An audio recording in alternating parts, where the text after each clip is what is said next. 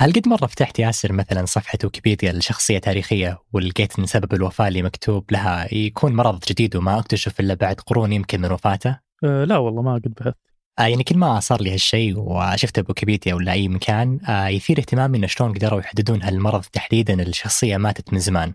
ويوم بحثت بهالشيء لقيت إنه في علم كامل اسمه باليوباثولوجيا ووظيفته أن يحدد أسباب وفاة الشخصيات التاريخية. من خلال أشياء كثير زي المعلومات اللي توثقت عن ظروفهم بوقت الوفاة والأعراض اللي مروا فيها أو حتى أنه يحلل بقاياهم لو كانت موجودة ويشوف حمضهم النووي وغيره.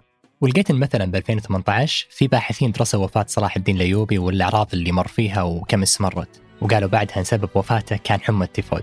وفي أمثلة ثانية كثيرة لشخصيات ثانية تسوى عليهم نفس الشيء تقريباً. هذا بودكاست الفجر من ثمانية. بودكاست فجر كل يوم نسرد لكم فيه سياق الأخبار اللي تهمكم. معاكم أنا ياسر بن غانم. وأنا عمر العمران. الخبر الأول اليوم تقرير جديد يحلل أثر الذكاء الاصطناعي على الوظائف حول العالم. وفي الخبر الثاني دراسة جديدة عن العلاقة بين تلوث الهواء وأمراض القلب.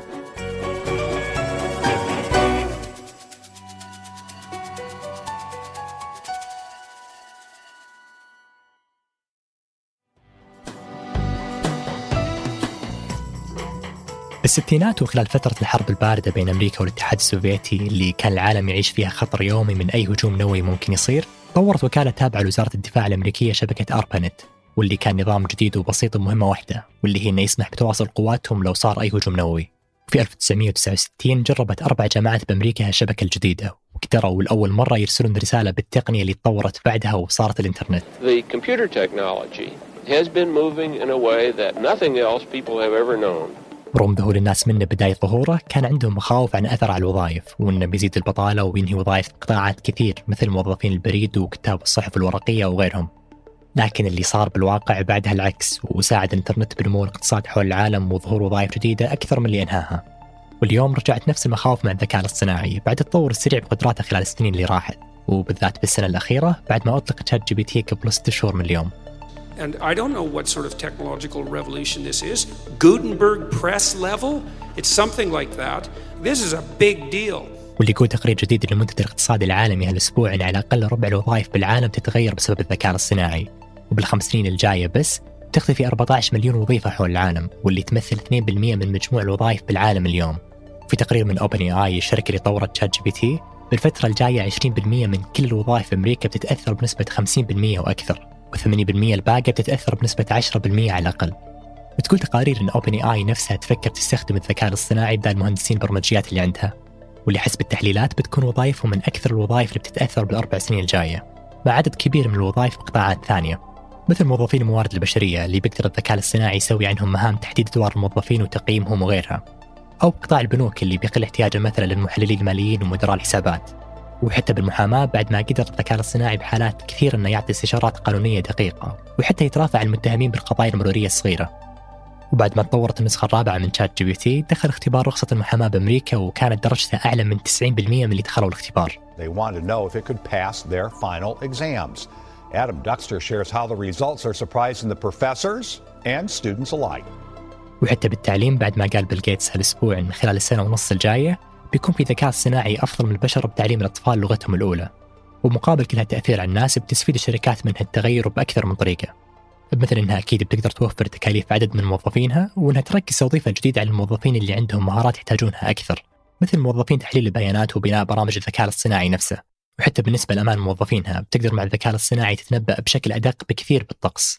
فتصير مثلا تقدر توقف عملياتها بالأماكن والوقات اللي ممكن تكون فيها كوارث طبيعية. ومع هالتطورات أعلنت أكثر من دولة خليجية مثل السعودية وعمان والإمارات أنهم يبدون يستخدمون ويستثمرون بالذكاء الاصطناعي بالفترة الجاية أكثر.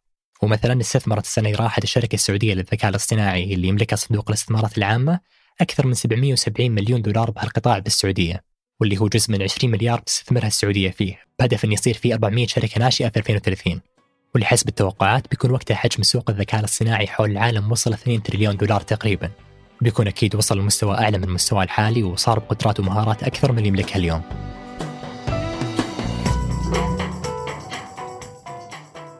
حول العالم يتوفى كل سنة أكثر من 18 مليون إنسان بسبب مختلف أمراض القلب وفي السعودية ينصاب سنويا فيها أكثر من 40 ألف شخص واللي خلاها السبب الأول للوفاة بالسعودية بمسؤوليتها عن أكثر من 37% من حالات الوفاة.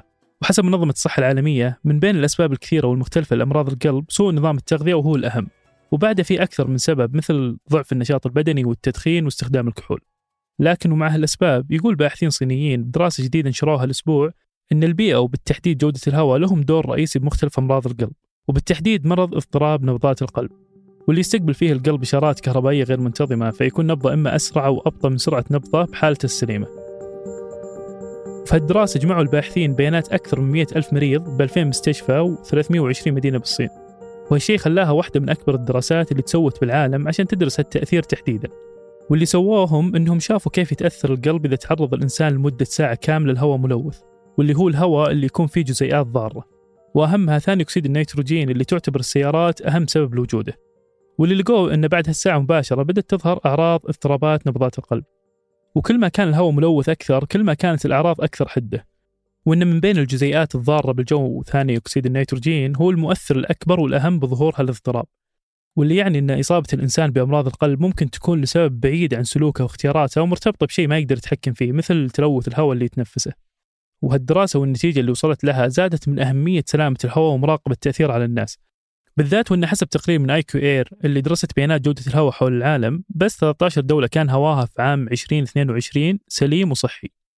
ومن بين أعلى عشر دول بأعلى معدلات تلوث الهواء كانت العراق بالمركز الثاني والبحرين بالمركز الرابع ثم الكويت بالمركز السابع ومصر بالمركز التاسع. وهالشيء يأكد على أهمية كل الإجراءات اللي تقدر تسويها الدول عشان تحسن من جودة الهواء فيها مثل تعديل التشريعات اللي تنظم انبعاثات السيارات والمصانع وغيرها وإضافة خيارات أكثر للنقل العام اللي يساعد بتقليل انبعاثات السيارات وزيادة مشاريع التشجير اللي تعتبر من أكبر المؤثرات على جودة الهواء وسلامته. وقبل ننهي الحلقة هذه أخبار على السريع. في بريطانيا رفضت هيئة المنافسة صفقة استحواذ مايكروسوفت على شركة إنتاج الألعاب ونشرها Activision اللي وصلت بآخر تقييماتها لأكثر من 65 مليار دولار. وطورت ألعاب مثل Call of Duty و Overwatch وغيرها. وقالت الهيئة أن سبب الرفض هو أن هالاستحواذ بيزيد من احتكار مايكروسوفت بخدمات الألعاب السحابية ويخلي عند اللاعبين خيارات أقل فيه. وبعد القرار قالت Activision إنها بتتعاون مع مايكروسوفت عشان تتجاوز الرفض في القضاء وتقدر تتم الصفقة معها. وبعد أسبوعين من إطلاق أربع مناطق اقتصادية خاصة بالسعودية، أعلنت أرامكو أمس عن اتفاقها مع شركة باوستيل الصينية لتأسيس مصنع للألواح الفولاذية في واحدة من الأربع مناطق واللي هي منطقة رأس الخير. وبيكون بطاقة إنتاجية تتجاوز مليون ونص طن بالسنة. وهالشيء بيخليه أكبر مصنع للفولاذ بالخليج وبيساعد بتوطين الاحتياج المحلي منه والتصدير للخارج بالذات لدول الشرق الأوسط وشمال أفريقيا.